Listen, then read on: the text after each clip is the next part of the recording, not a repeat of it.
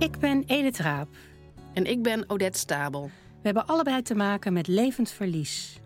Ik ben moeder van een zoon met ernstige meervoudige beperkingen. En ik vertel daarover in mijn boek Een kind met kansen. Ik vertel aan studenten over levend verlies als docent ouderbegeleiding aan de Hogeschool Utrecht. Levend verlies. Steeds terugkerende gevoelens van verlies, verdriet en rouw van ouders met een kind met een beperking of chronische aandoening.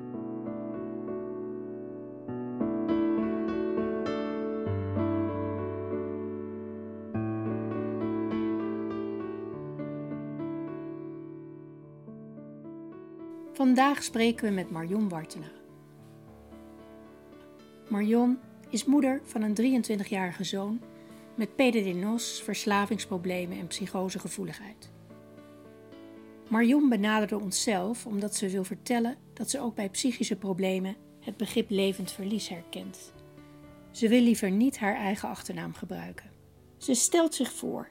Nou, ik ben Marion. Ik ben uh, getrouwd, gelukkig getrouwd, al uh, uh, nou, heel veel jaar. Vanaf mijn 21ste ben ik al samen met, met mijn man. Ik ben nu bijna 59. Um, we hebben een gezin met drie kinderen, twee meiden.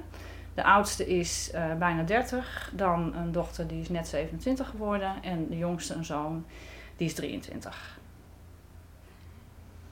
En jij zit hier vooral vanwege jouw moederschap van je jongste zoon. Zou je Ja. iets meer over hem kunnen vertellen? Ehm, ja, hij was eigenlijk als baby een hele rustige, prettige baby. Heel weinig huilen. Ehm, maar ik merkte wel gaandeweg zijn eh, ouder worden, zeg maar, dat hij zich minder snel ontwikkelde dan de meiden. En ehm, met name op het gebied van spel. Zijn taal liep ook wel iets achter. Het kwam wel op gang, maar het was wat trager. Eh, maar op het gebied van spel zag ik gewoon echt hele grote verschillen. Hij kon zichzelf eigenlijk gewoon helemaal niet vermaken. Eh, behalve met een bal. Hij rolde wat heen en weer met een bal. Maar ook met een autootje bijvoorbeeld had hij heel staccato spel. Een beetje heen en weer rijden. Maar niet... Ja, hij deed er verder heel weinig mee. En dat bleef eigenlijk tot hij naar de basisschool ging, naar groep 1. En ehm, ja, ik maakte me er zorgen over. Ik, heb dat, ik deelde dat met mijn man. Ik deelde dat met het consultatiebureau, eh, met de crash. Maar iedereen vond dat ik me voor niks zorgen maakte. En het was een jongetje en dat kwam wel goed en noem maar op. Nou, en eigenlijk in, toen hij naar de basisschool ging, naar groep 1, was eh, de juf van groep 1 was de eerste die tegen mij zei: Ik snap wat jij bedoelt. Toen begon ook wel op te vallen dat hij zeg maar, in sociaal opzicht weliswaar steeds contact zocht met andere kinderen. Dus het was niet een kind wat zich terugtrok, maar een kind wat juist graag contact had met anderen. Maar wel vaak op een wat onhandige manier. En toen langzaam maar zeker op de kleuterschool of in de kleutergroepen de werkjes hun intrede deden, toen werd duidelijk dat hij dat eh, niet wilde, ook niet, ging, niet van plan was om te doen. En vanaf dat moment eigenlijk bij alles zei, ik denk dat ik dat niet kan. Dus nou ja, toen ja, stond eigenlijk zijn ontwikkeling stil en ehm, hebben besloten om eh Triversum in te schakelen. Wat is dat? Dat is een soort expertisecentrum voor autisme, autismeonderzoek. En die kwamen met de diagnose PDD-NOS. En zij vonden dat hij het in een eh, eh, ja, ernstige vorm had. En adviseerden om hem op te laten nemen. Toen kwamen we al voor de eerste keer eigenlijk in een soort van... Nou, niet conflict met de hulpverlening, maar wel een soort van impasse.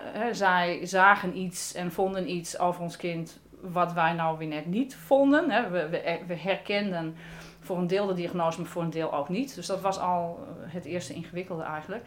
Dus ja, hun hulpaanbod strookte niet bij onze vraag. Dat was heel duidelijk. Dus we konden absoluut wel wat handvaten gebruiken. Maar het was niet dat we eh, met de handen in ons haar zaten en dachten van nou, dit, eh, dit wordt helemaal niks.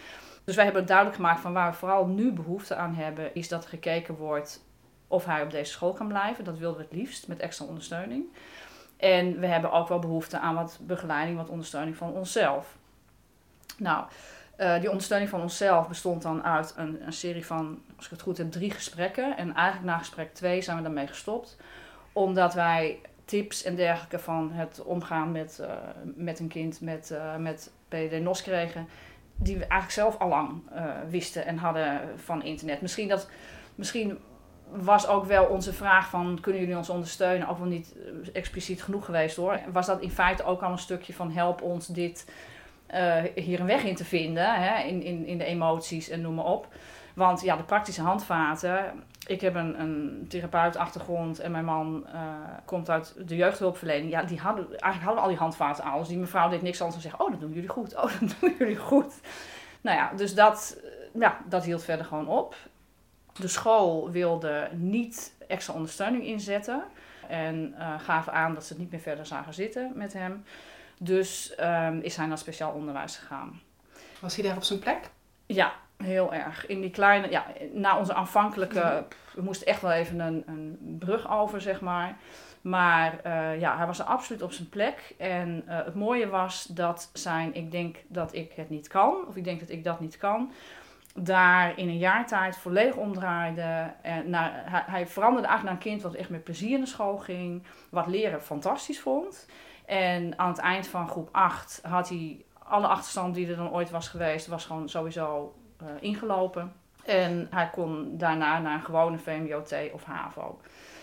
Eigenlijk is die hele middenfase, uh, van, zijn, zeg maar van zijn zesde tot zijn twaalfde, was relatief een rustige uh, periode.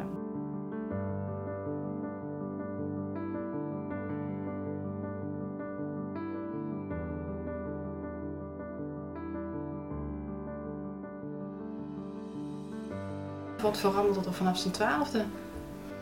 Nou, vanaf zijn twaalfde, dertiende denk ik, um, wat je dan ziet, uh, de interactie tussen kinderen komt in een soort van stroomversnelling. Hè, kinderen komen langzaam in de puberteit, verwachten andere dingen van elkaar. De sociale omgang wordt veel complexer. En dat ging hij steeds moeilijker bijbenen.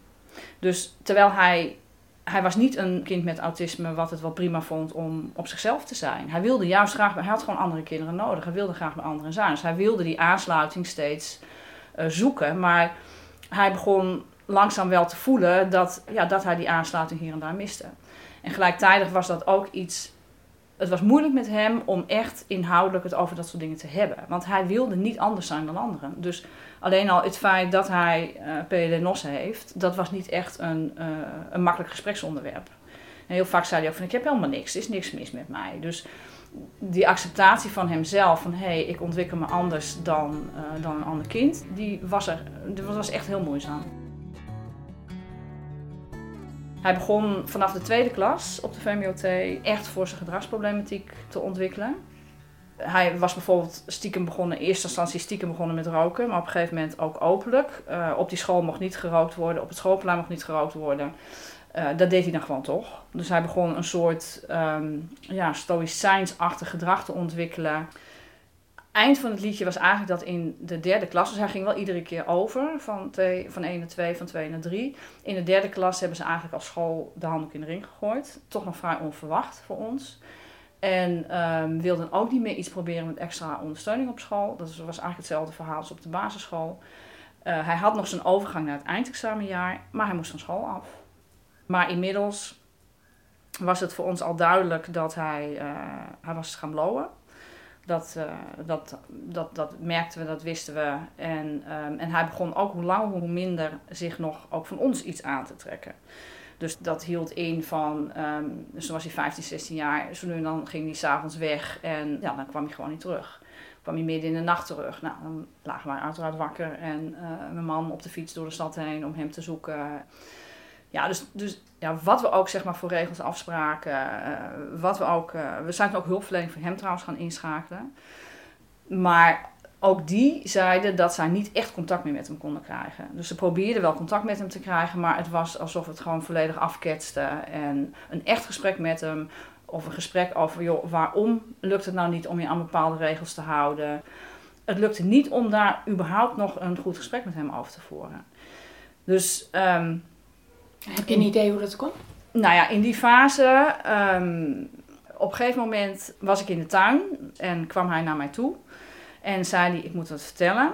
En uh, toen vertelde hij dat een uh, man uit de buurt, die uh, vrij dichtbij ons woonde, een oudere man, ruim in de 50, dat hij daar al lange tijd seksueel contact mee had. Seksueel misbruikt werd. En dat dat onder invloed van drugs gebeurde. Dus in één groot gesprek, zeg maar, het was niet dat hij zelf daar nou een soort uitleg mee wilde geven voor zijn gedrag, denk ik. Maar ik denk wel dat de spanning van het feit dat, dat dat gebeurde steeds, zo hoog opgelopen was dat hij toch kwijt moest. En ehm, ik denk dat we wel twee uur in de tuin gepraat hebben. Lijkt me wel heel schokkend zo'n gesprek als ouder. Ja, dat was het ook. Ik, ik merkte ook tijdens dat gesprek, ik merkte aan mezelf dat ik dacht, oké, ik moet nu niet, want je bent, nou, je bent natuurlijk gewoon een soort, ja, inderdaad in shock. Maar ik merkte vooral, ik moet nu, dat moet ik nu niet op die manier laten blijken. Want dan krijgt hij die emotie van mij erbij. En dit was al zo'n zeldzaam moment dat hij werkelijk iets van zijn binnenste liet zien en wat hij had meegemaakt. Dat ik dacht, ik moet dit nu niet mhm. door mijn emotie van wat of eh, wat erg. Of, dat ga ik allemaal niet zeggen. Ik ga gewoon, ik ga gewoon luisteren, luisteren, luisteren.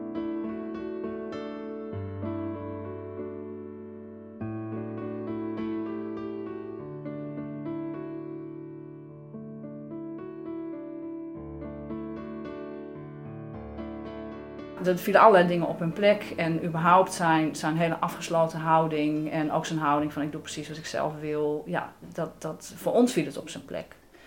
Wat wij ook hadden gehoopt was dat het voor hem, voor, voor onze zoon, het begin zou zijn van een keerpunt. En dat was het helemaal niet. Totaal niet. Dus zijn hele gedrag veranderde hier niet door. Uh, het hele drugsgebruik ging door, maar werd, uh, langzaam kwamen ook haardrugs bij. Hij heeft dat jaar op het speciaal onderwijs heeft hij nog de, inderdaad de helft van zijn eindexamenvakken gehaald, het eerste jaar. En het tweede jaar, toen hij dus de andere vakken moest gaan halen, uh, is hij amper meer naar school geweest. En ja, was hij eigenlijk, nou ja, hij, bedoel, hij woonde nog thuis, maar ook niet.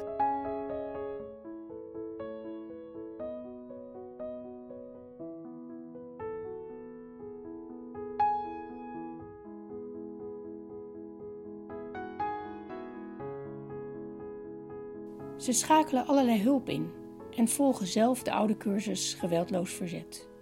Het is vooral bedoeld voor ouders die een kind hebben wat echt behoorlijk ontspoord is. Dat je in staat bent om nog steeds je grenzen eh, te stellen, maar wel op een liefdevolle manier. Je, kunt niet meer, je bent in een situatie beland waarin je het niet meer uh, thuis ook kunt keren zoals je graag zou willen. Maar je wilt je kind niet loslaten, je wilt naast je kind blijven staan. Dus je blijft de grenzen op een bepaalde manier aangeven maar zonder in een schreeuwend conflict te, te raken. want ja, dat raakten we soms wel. Ik bedoel, als je kind werkelijk zich aan niets meer houdt, totaal niets, uh, geld wegneemt, sieraden, uh, jat, uh, iPhones, noem maar op, om te verpatsen. Van ons, ja. Mhm. Om te verpatsen voor geld voor, voor drugs. Ja, dan spring je wel eens uit je vel. Nou, dat, dat en, en dat, gaat niet, dat helpt niet, want het, dat, dat zorgt er alleen maar voor dat hij nog meer verdwijnt.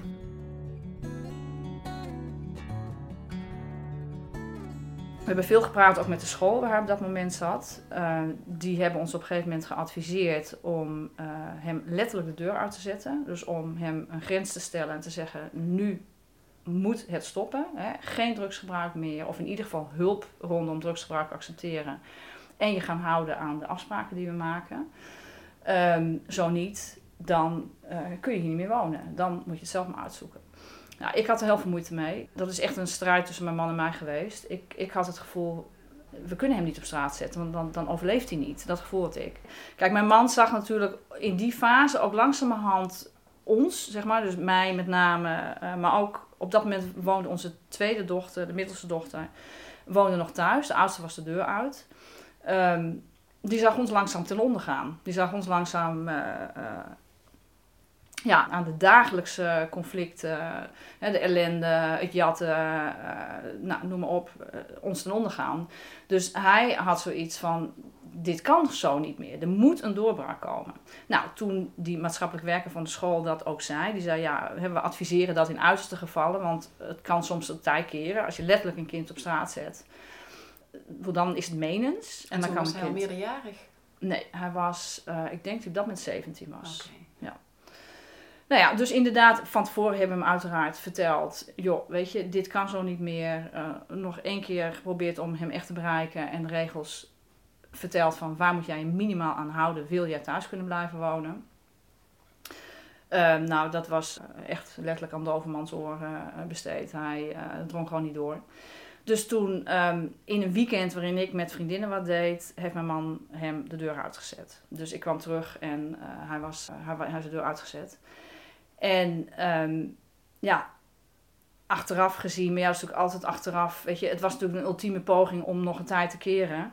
Daardoor is het gewoon helemaal misgegaan. Hij uh, was inderdaad totaal niet in staat om voor zichzelf te zorgen.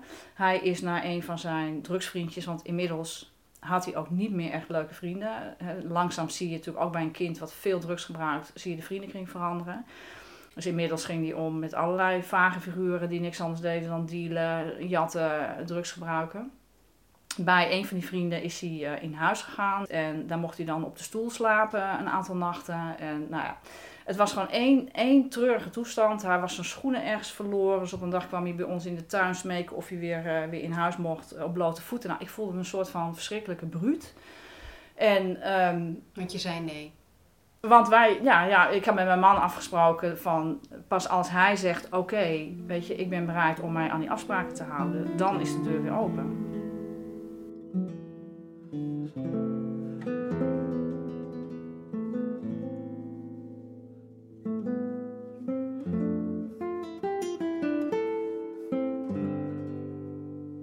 Fase las ik over een afkeerkliniek voor jongeren, Yes We Can heet die. Fantastische uh, verhalen, fantastische kliniek in België.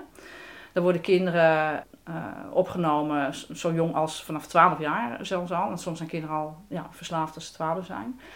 Um, ja, het is een heel intensief programma, ongelooflijk intensief, maar wel met een heel hoog succespercentage. Hij was onder dwang van ons overigens ook weer, was hij dus akkoord gegaan met daar naartoe te gaan. Um, zij hadden zelf gezegd van nou heel vaak komt zeg maar de motivatie gewoon gaandeweg. Dus hij hoefde niet van tevoren al uh, helemaal gemotiveerd te zijn. Omdat ze ook zeiden van kinderen zijn er vaak gewoon zo slecht aan toe en zo verslaafd dat ze gewoon die motivatie op die manier ook nog niet voelen. Maar zij maakte vaak mee dat gaandeweg dat programma die motivatie kwam.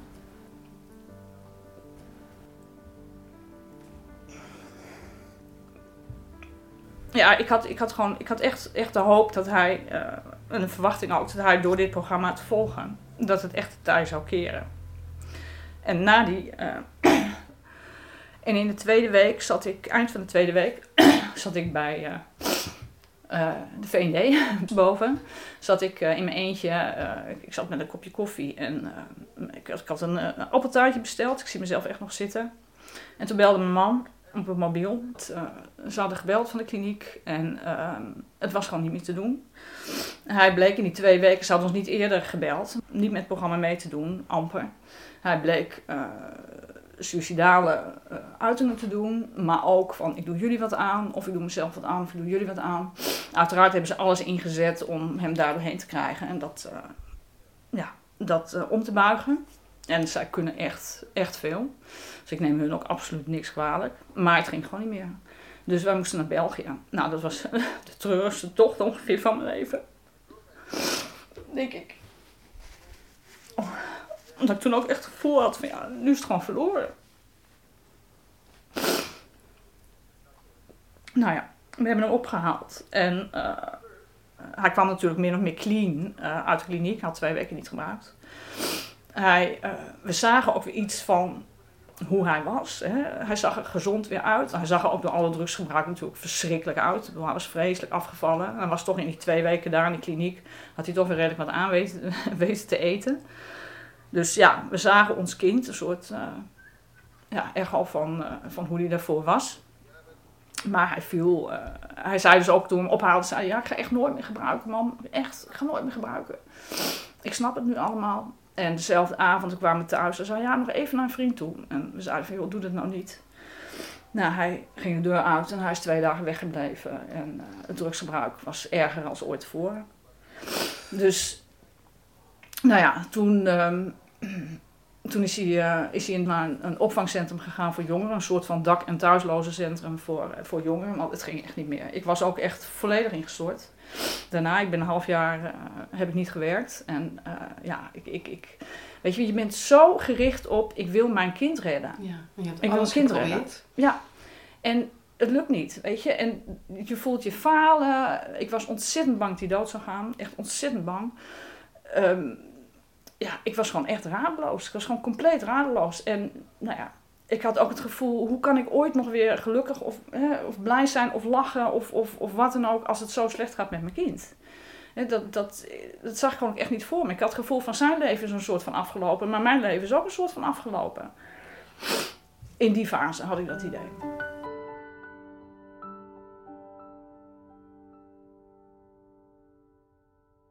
In het opvanghuis raakt haar zoon in een psychose. Met een rechterlijke machtiging wordt hij in een GGZ-instelling opgenomen. Wij hadden ook daarbij, net als bij de Jesper Kliniek, hadden wij het naïeve idee, uh, dan komt hij in ieder geval op voor dat moment de juiste plek. Ja. En dan kan het taai keren. Ook dat, dat hadden we ook bij, bij de GGZ, uh, dat gevoel hadden we heel sterk. Of nou, de hoop ook natuurlijk. Nou, het eerste wat er gebeurde, uh, nadat hij opgenomen was, hij was heel boos dat hij, uh, dat hij opgenomen was. Hij was natuurlijk ook heel erg in de war. Hij, hij, hij zag dingen, hoorde dingen. Uh, hadden een enorme achterdocht uh, over van alles en nog wat. Maar was op ons ook heel erg boos. En hij had dus tegen de verpleging gezegd en tegen de psychiater: Jullie mogen niet met mijn ouders praten. En dat doet de verpleging dan dus ook niet. En dat is wel iets waar we in, in de loop van de jaren, want hij is toen opgenomen en hij is al die tijd, dus vanaf zijn achttiende tot nu 23, dus de afgelopen vijf, vijf en een half jaar is hij continu opgenomen geweest in heel veel verschillende klinieken. Is dat wel iets wat, wat ik binnen de, de psychiatrie heel lastig vind. En mensen worden opgenomen omdat ze niet in staat zijn om goede beslissingen te nemen. Maar gelijktijdig is er binnen de psychiatrie ook een soort uh, houding van mensen moeten zelf dingen willen. He, we, we, mensen hebben zelfbeschikkingsrecht. Maar je hebt het wel over mensen die niet meer in staat zijn om daarin goede beslissingen te nemen. Die eigenlijk niet toerekeningsvatbaar zijn. Nee, precies. Precies. Dus uh, ik noem wat, op een gegeven moment was hij opgenomen in een van de meest gespecialiseerde klinieken in, uh, in Nederland. En um, dan werd er iedere dag aan hem, aan hem gevraagd, wil je kamer opruimen? Nou, of hij zei wat of hij zei niks. In ieder geval, hij deed het niet. Dat hebben ze gelaten. Uiteraard gingen wij iedere week naar hem toe. Soms twee keer per week, soms nog vaker. Maar hij wilde ons een tijd lang niet op zijn kamer hebben. Dus dan zagen we hem in de gemeenschappelijke ruimte of buiten bij het rookhol. Want al die psychiatrische patiënten, echt vrijwel geen uitzondering. Wat ze wel de hele dag door doen is roken. Echt onvoorstelbaar.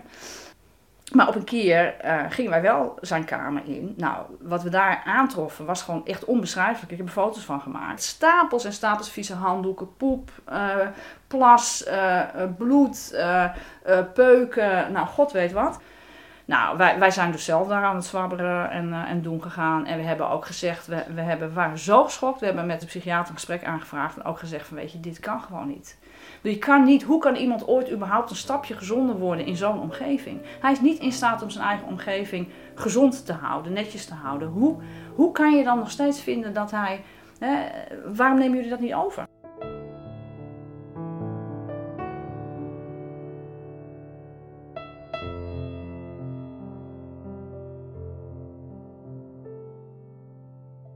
Het gekke was, hij werd dus opgenomen de eerste keer. Wij dachten, nu gaat er wat veranderen. Maar wat er veranderde was dat hij gewoon een bak medicijn kreeg. En dat was het. En verder veranderde er helemaal niks. Want hij wilde, hij, wilde daarvoor natuurlijk geen gesprekken. Hè, met, met wat voor hulpverlening ook. Dat wilde hij daar ook niet. Integendeel, hij was boos op iedereen. Dus uh, hij wilde helemaal geen gesprekken. Nou ja, dan is dus het enige wat overblijft. En dat gold voor zover ik heb kunnen zien en met ouders gesproken heb voor het merendeel van de patiënten. Is gewoon medicamenteus. Maar daarbij horen dan ook natuurlijk meteen gigantisch veel bijwerkingen. Dus je ziet je kind niet, op zijn best zie je dat je kind niet meer heel psychotisch is. Maar je ziet daarbij ook uh, gigantisch veel neveneffecten. Hij kreeg uh, van de medicatie bijvoorbeeld enorme spierkrampen in, in, in, in zijn lichaam. Hij begon heel erg ja, staccato te praten en staccato te lopen. Zijn hele, zijn hele hij deed al niet heel veel, maar zijn hele initiatieflust, uh, zeg maar, verdween. Hij wilde eigenlijk niks anders doen dan op zijn bed liggen en roken. Nou, dat heeft hij gewoon jarenlang gedaan.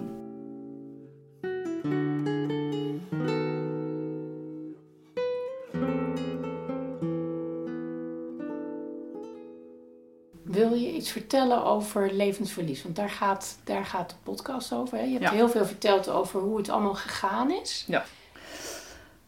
Um, voor mij betekent het begrip levend verlies dat ja, in het geval van onze zoon uh, de beperkingen die hij nu heeft, ja, die zijn gewoon altijd. En ik heb mijn weg daarin gevonden.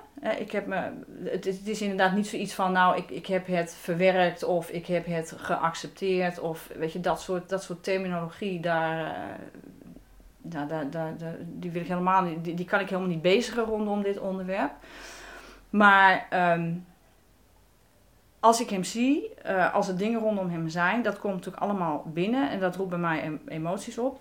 En voor mij is, is zeg maar de uitweg daaruit dat ik al die emoties er ook laat zijn. En omdat ik daar niet meer tegen vecht, omdat ik ook niet meer. Natuurlijk zijn we nog steeds aan het zoeken naar waar is de juiste plek voor hem. Hè? Waar is de juiste hulp voor hem. Dat, dat blijft een, een, een niet aflatend zoekproces. Maar ik zit niet meer zoals in de eerste fase uh, dag en nacht ongeveer achter de computer om van, van Zuid-Limburg tot Noord-Friesland te zoeken naar waar in godsnaam is hulp voor een kind met zoveel, hè, met drie dubbelproblematiek, ja. autisme, verslaving en psychose. Ik, ik heb dus, dat heb ik wel geaccepteerd. Ik heb geaccepteerd dat er niet een oplossing is van vandaag op morgen en dat er misschien wel nooit een oplossing of een, een herstel zal zijn, zodat hij zijn pad wat hij leek te gaan lopen toen hij 12 was, bij wijze van spreken. Ik denk dat dat pad niet meer er gaat komen. Dus dat stukje heb ik wel geaccepteerd. Maar dat betekent niet dat ik die. Kijk, op allerlei momenten komen de emoties rondom hoe het met hem gaat omhoog. Als ik naar hem toe ga en hij is, uh, het gaat heel slecht met hem, hij is heel psychotisch, ik krijg geen contact met hem, dan ga ik verdrietig weg. Uh, en dan laat ik dat er ook even zijn. Het kan heel goed zijn dat ik gewoon de hele terugweg in de auto uh, zit te janken. En daarna, dan, dan, dan, is, ja, dan is dat ook weer weg. Dan kan, dus op een of andere manier is hij een onlosmakelijk onderdeel van mijn leven en van mijn gevoel. Maar daarnaast is langzaam maar zeker meer ruimte gekomen voor andere gevoelens. En voor onderdelen van mijn leven die wel uh, goed zijn en die wel werken. Hij is Mhm. eigenlijk een soort van ja, onderdeel wat gewoon verdrietig is. Maar het hoort erbij. Het is mijn kind. Ik hou van hem. Ehm, maar er is veel verdriet om hem. En daarnaast is gewoon ook heel veel ruimte weer voor andere dingen. Dus ja, maar dat je dat, dat je dat stuk van dat kind met je meedraagt. En dat bij tijd en wijle de emoties daarover. Ik, ik heb bijvoorbeeld nog steeds moeite als ik een vriend van hem van vroeger zie fietsen. Ja, of ik lees iets op, op Facebook over een vriend eh, van hem die een baan heeft of is afgestudeerd. Of eh, een vriendin heeft. Er gaat altijd steek door me heen. En dus jongens van zijn leeftijd zijn voor mij kwetsbaar. Dus die te zien, en die, die, ik misgun het hun niet, maar dan zie ik een soort van hoe het had kunnen zijn. Ik had bijvoorbeeld laatst had ik uh, behoefte om foto's van vakanties uh, van daarvoor te zien. Ja, dan zie ik mijn zoon letterlijk uh, bergbeklimmen met mijn man. Dat, ja, dat, dat van de ene kant geeft me dat een, geluksgevoel. Van oh, dat was, dat was ook zo. Maar ook een enorm verdrietig gevoel. Want, want die jongen is hij echt niet meer. Hij is mentaal en emotioneel is hij zo achteruit gegaan door de psychoses, door de beschadiging die dat, uh, die dat heeft gebracht. En door, de, door het enorme drugsgebruik ook. Dat kind is hij niet meer. Ja, het is natuurlijk wrang dat, ja, dat het echt slecht begon te gaan, dat dat ingezet is in die periode van seksueel misbruik. We weten natuurlijk niet hoe, dat zegt mijn man ook wel je weet niet hoe het anders was gegaan. Was dat misbruik niet geweest? Was, was dit misschien ook gebeurd, maar op een later moment, maar misschien nog niet. En de kans dat hij dan wel door die puberteit uh, min of meer uh, goed heen gekomen was en uh, ja, een wat prettiger pad had kunnen lopen in zijn leven, die was dan denk ik groter geweest.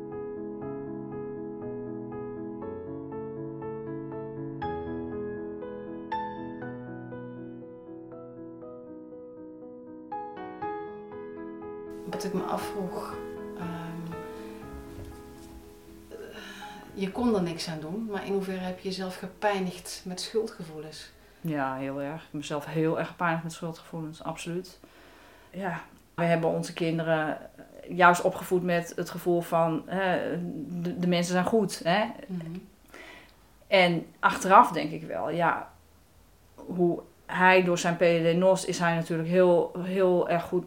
Hij is gewoon te goed van vertrouwen geweest. En, want ook dat seksueel misbruik is, was niet van de een op de andere dag. Hè. Dat is langzaam heeft zich dat ontwikkeld. Later hebben zijn vrienden gezegd tegen de politie dat zij meteen een niet plaatsgevoel hadden bij die man.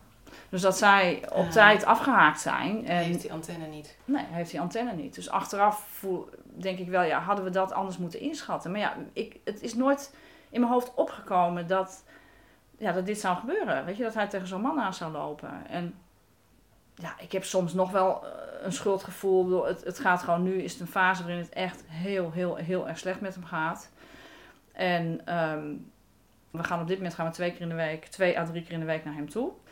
Het is, voelt soms ook wel als een opgave om weer naar hem toe te gaan. Ik, het, het, vecht heel vaak in mij. Ik wil hem heel graag zien. Ik wil hem voelen. Ik, ik, wil, ik wil hem gewoon graag zien. Maar het is ook heel vaak uh, bijzonder lastig.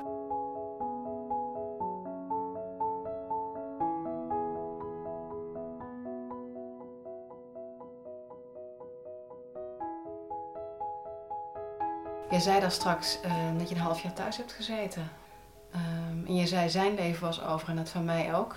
En later zei je, hè, de, het is zo en er zijn er gelukkig weer dingen daarnaast. Ja.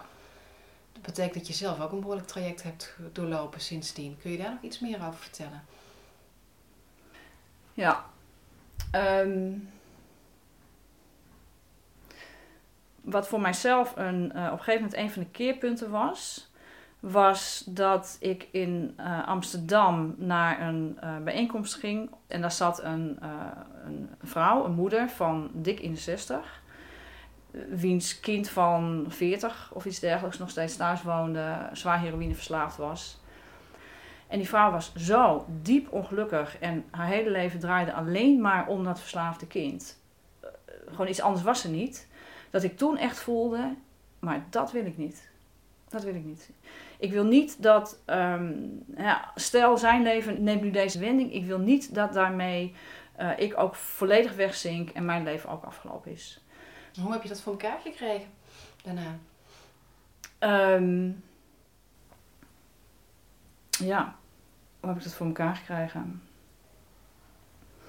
Ja, voor mij was dat ik op een gegeven moment voelde ik, nog zonder dat ik ooit met die hele term levend verlies te maken had gehad, ik, ik voelde voor mezelf, ja, dit is niet een kwestie van verwerken. Ik, ik kan niet op een gegeven moment helemaal oké zijn met hoe het met hem gaat. Dus voelde ik ook, ja, voor mij is de enige uitweg dat ik gewoon zo nu en dan even instort. Um, en heel bizar misschien, maar zo nu en dan doe ik dat dan ook een soort van gedoseerd. Dus als er weer heel veel rondom hem uh, aan de hand is aan, aan ingewikkelde, verdrietige dingen dan uh, kan ik soms echt in het weekend een soort dag voor mezelf inlassen. En dan weet ik eigenlijk al van, nou, dat wordt gewoon heel veel janken die dag. En um, ja, maar ik weet ook, weet je, ik kan me soms helemaal wegvoelen zakken in verdriet, maar ik weet ook, dit, dit, houdt, dit stopt ook weer. En, en, en zo is het gewoon ook gegaan. Zo van, ja, voor mij is de uitweg echt om het verdriet wat er is, de wanhoop die er is, gewoon volledig toe te laten op bepaalde momenten.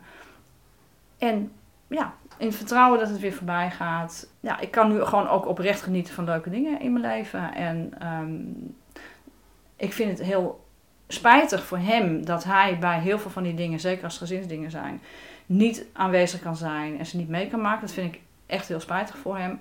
Maar ik heb niet meer het gevoel dat ik het dan dus ook niet zou moeten doen ja. of hebben. Dus al die gevoelens die bestaan naast en na elkaar. Ja, ja ja, ik, ik heb echt, ja, zo voel, het voelt inderdaad dat, dat er, er is altijd een plek voor hem in mijn hoofd en in mijn hart en in mijn gevoel. Maar er is ook plek voor andere dingen. Dus het, het is en en. En soms is het wel een beetje schizofreen hoor. In de zin van dat ik, um, nou ja, bijvoorbeeld inderdaad jankend in de auto terug, uh, terug ga. En ik rijd de straat in en ik denk, mm, kloing. Ik veeg mijn tranen weg en ik ga weer af tot de orde van de dag. Ja. Maar ja, dat, dat, is, uh, dat is het leven, ja. Dat is mijn leven in ieder geval. Ja. ja. Wat maakt dat je zo graag je verhaal wil vertellen? Um, ik denk dat er um, weinig aandacht is voor mensen met, uh, en, en, en dus ook niet voor ouders die te kampen hebben met kinderen met deze problematiek. Je wordt als ouders word je hier gewoon niet in, uh, niet in ondersteund. je kind is opgenomen. Maar uh, op zijn best ga je via een of andere vereniging zoeken of er ergens misschien een cursus is over omgaan met iemand met psychiatrische problematiek. Maar het is niet dat er ook automatisch een hulpverleningspoot is voor jou. Ja. en uh, dat merkten we overigens ook al hè, toen de verslaving nog voorop stond. Een van de dingen die ons toen al opvielen, was dat er voor ouders gewoon eigenlijk niks is qua uh, lotgenotencontact bijvoorbeeld. Mhm. Dus wij zijn zelf met uh, de Breider Stichting, uh, Verslavingsstichting, zijn wij gaan praten. Die hebben wel cursussen, ik noem maar wat, help, mijn kind is verslaafd. Dat is dan drie keer en dan leer je van alles over drugs en nou, hoe je best met je kind om kan gaan en dergelijke. Maar dan is het inderdaad uh, de hulpverlener die jou vertelt hoe je dat zou kunnen doen hè, en hoe je dat zou moeten doen. Maar er is, er is niet iets waarbij je andere ouders spreekt. Dus wij zijn in, in overleg met, uh, met de bereiders zijn wij een oudergroep begonnen. Uh, in eerste instantie met z'n tweeën. Uiteindelijk is mijn man daar echt de trekker van geworden. Die loopt nu al jaren. En dat is een enorm succesvolle oudergroep. Wat bespreken jullie dan? Met name over hoe je met jezelf omgaat. Dus het is niet een groep die bedoeld is van hoe kunnen we ons kind redden. Maar het is een groep die bedoeld is hoe uh, zorg je ervoor dat, je, uh, dat jij overeind blijft staan. Maar sterker, niet alleen maar overeind blijft staan, maar ook dat je gewoon je leven weer op kunt pakken. Je eigen leven weer op mhm. kunt pakken. Want wat je heel vaak ziet bij, uh, bij verslaving is dat het hele leven alleen maar om de verslaafde draait. Dus er wordt uitgewisseld in die groep. Er is heel veel herkenning. Um, ik vind ook echt persoonlijk, ik, ik zou het heel fijn vinden dat ook rondom uh, kinderen met psychiatrische problemen, dat er ook een dergelijke oudergroep zou zijn. Want je hebt gewoon een mede-ouder, je hebt gewoon een half woord genoeg. Weet je, je begrijpt elkaar. Je hebt, je hebt weinig woorden nodig. En terwijl je heel vaak, bedoel, er zijn natuurlijk gigantisch veel stigma's rondom verslaving en psychiatrie. Dus mensen die er niet mee te maken hebben, die moet je zoveel uitleggen. En die zijn dat ook wel eens een keertje zat, weet je. Dat, ja, Terwijl je weet van elkaar wat je meemaakt, maar tegelijkertijd is het een groep waarbij we um, ja, ervoor waken om. Natuurlijk mogen mensen verdrietig zijn, maar we proberen juist te vinden waar, waar zit iedereen's kracht. Hè? Hoe kun je, ook al, dit is een feit, je kind is verslaafd, jij gaat niet ervoor zorgen dat je kind niet meer is. Dat, dat kun je niet namelijk. Maar het enige wat je kunt doen is goed voor jezelf zorgen. En hoe doe je dat dan? Hoe zouden hulpverleners jullie kunnen steunen? Ja, ik, ik denk dat de hulpverlening, um, of de hulpverleners mij hadden kunnen steunen. Ja, als er een plek was geweest waar ik letterlijk mijn ei kwijt kon. En dat ei kwijt kan de ene keer inderdaad gewoon kan zijn vragen van hoe zit dat dan precies met psychoses? Uh, um, en de andere keer ja, meer de wanhoop waar je als ouders in terecht komt. En ja, misschien een plek waar inderdaad ook met lotgenoten gepraat kan worden. En met name ook met mensen die, uh, die misschien net een stap verder zijn dan jij. Als je aan het begin van dat proces staat, zoals wij, mijn man nu, dat ook kan zijn nu voor ouders van, uh, van een verslaafd kind.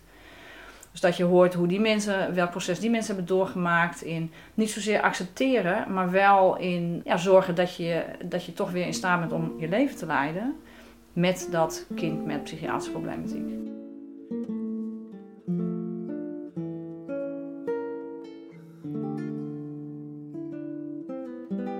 Wat zou je nog de luisteraar willen meegeven? Um, Ja, ik zat inderdaad te denken aan zo'n tegeltje. Mhm. Ja, ik dacht, eh, wat ik zelf dacht van. Ehm, misschien is wel op het moment dat je een kind hebt met een beperking, wat voor beperking dan ook, dat ja, de weg naar evenwicht in je eigen leven alleen maar via het voelen van wat er is kan zijn. Ja, dat je ook weer vreugde kunt ervaren op het moment dat je ook het verdriet en de wanhoop toelaat. In plaats van dat tegen vechten. Tenminste, voor mij is dat, uh, was dat de uitweg. Kan je iets zeggen over hoe je vindt dat je zelf veranderd bent?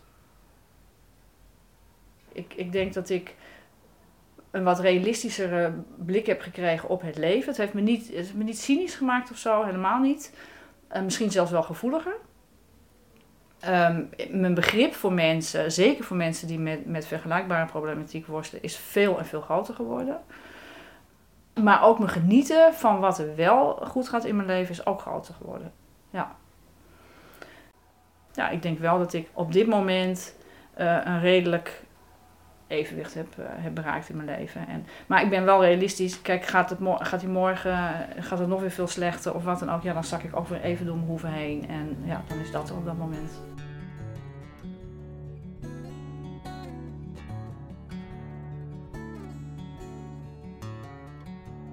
Marion wil nog één ding zeggen. In vrijwel ieders leven gebeurt wel wat. en, en het kan zijn van een scheiding tot uh, een ouder die voortijdig overlijdt, tot inderdaad een kind met een beperking, tot, uh, weet je, overal is wel wat. En dat is dus kennelijk, is dat gewoon onderdeel van het leven. En dat is wel veranderd in mij. Ik, ik denk dat ik door het hele verhaal uh, me veel bewuster ben geworden van dat leven echt twee kanten heeft.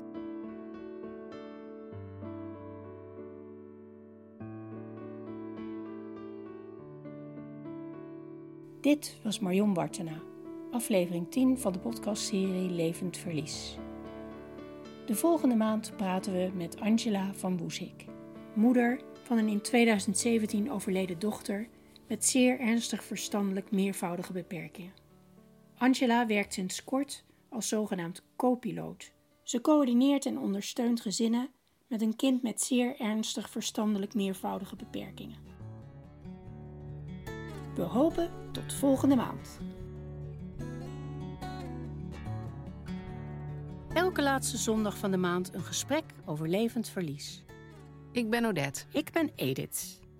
Abonneer je op onze podcast levend-verlies.nl